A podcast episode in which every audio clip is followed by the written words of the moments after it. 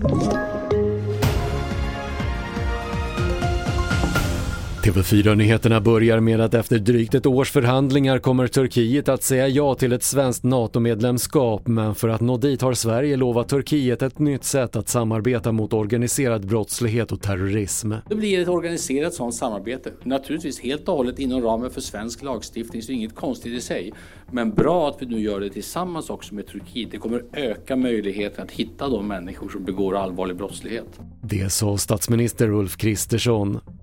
En man har anhållits efter explosionen på en krog i centrala Göteborg igår kväll. Han misstänks bland annat för grov allmänfarlig ödeläggelse och polisen utesluter inte att fler kan komma att misstänkas i utredningen. Och efter vulkanutbrottet utanför Islands huvudstad Reykjavik igår uppmanas människor att hålla sig borta och flera vägar har stängts av. Bilder visar rök och lava från sprickan som har vuxit och är 900 meter lång men experter säger att lavaflödet i nuläget inte är särskilt högt. Fler nyheter hittar du på tv4.se. Jag heter Patrik Lindström.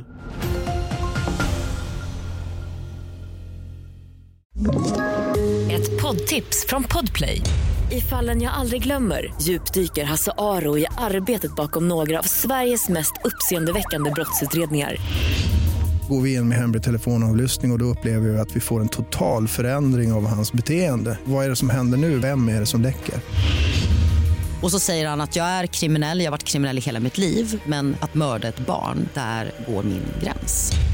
Nya säsongen av Fallen jag aldrig glömmer på Podplay.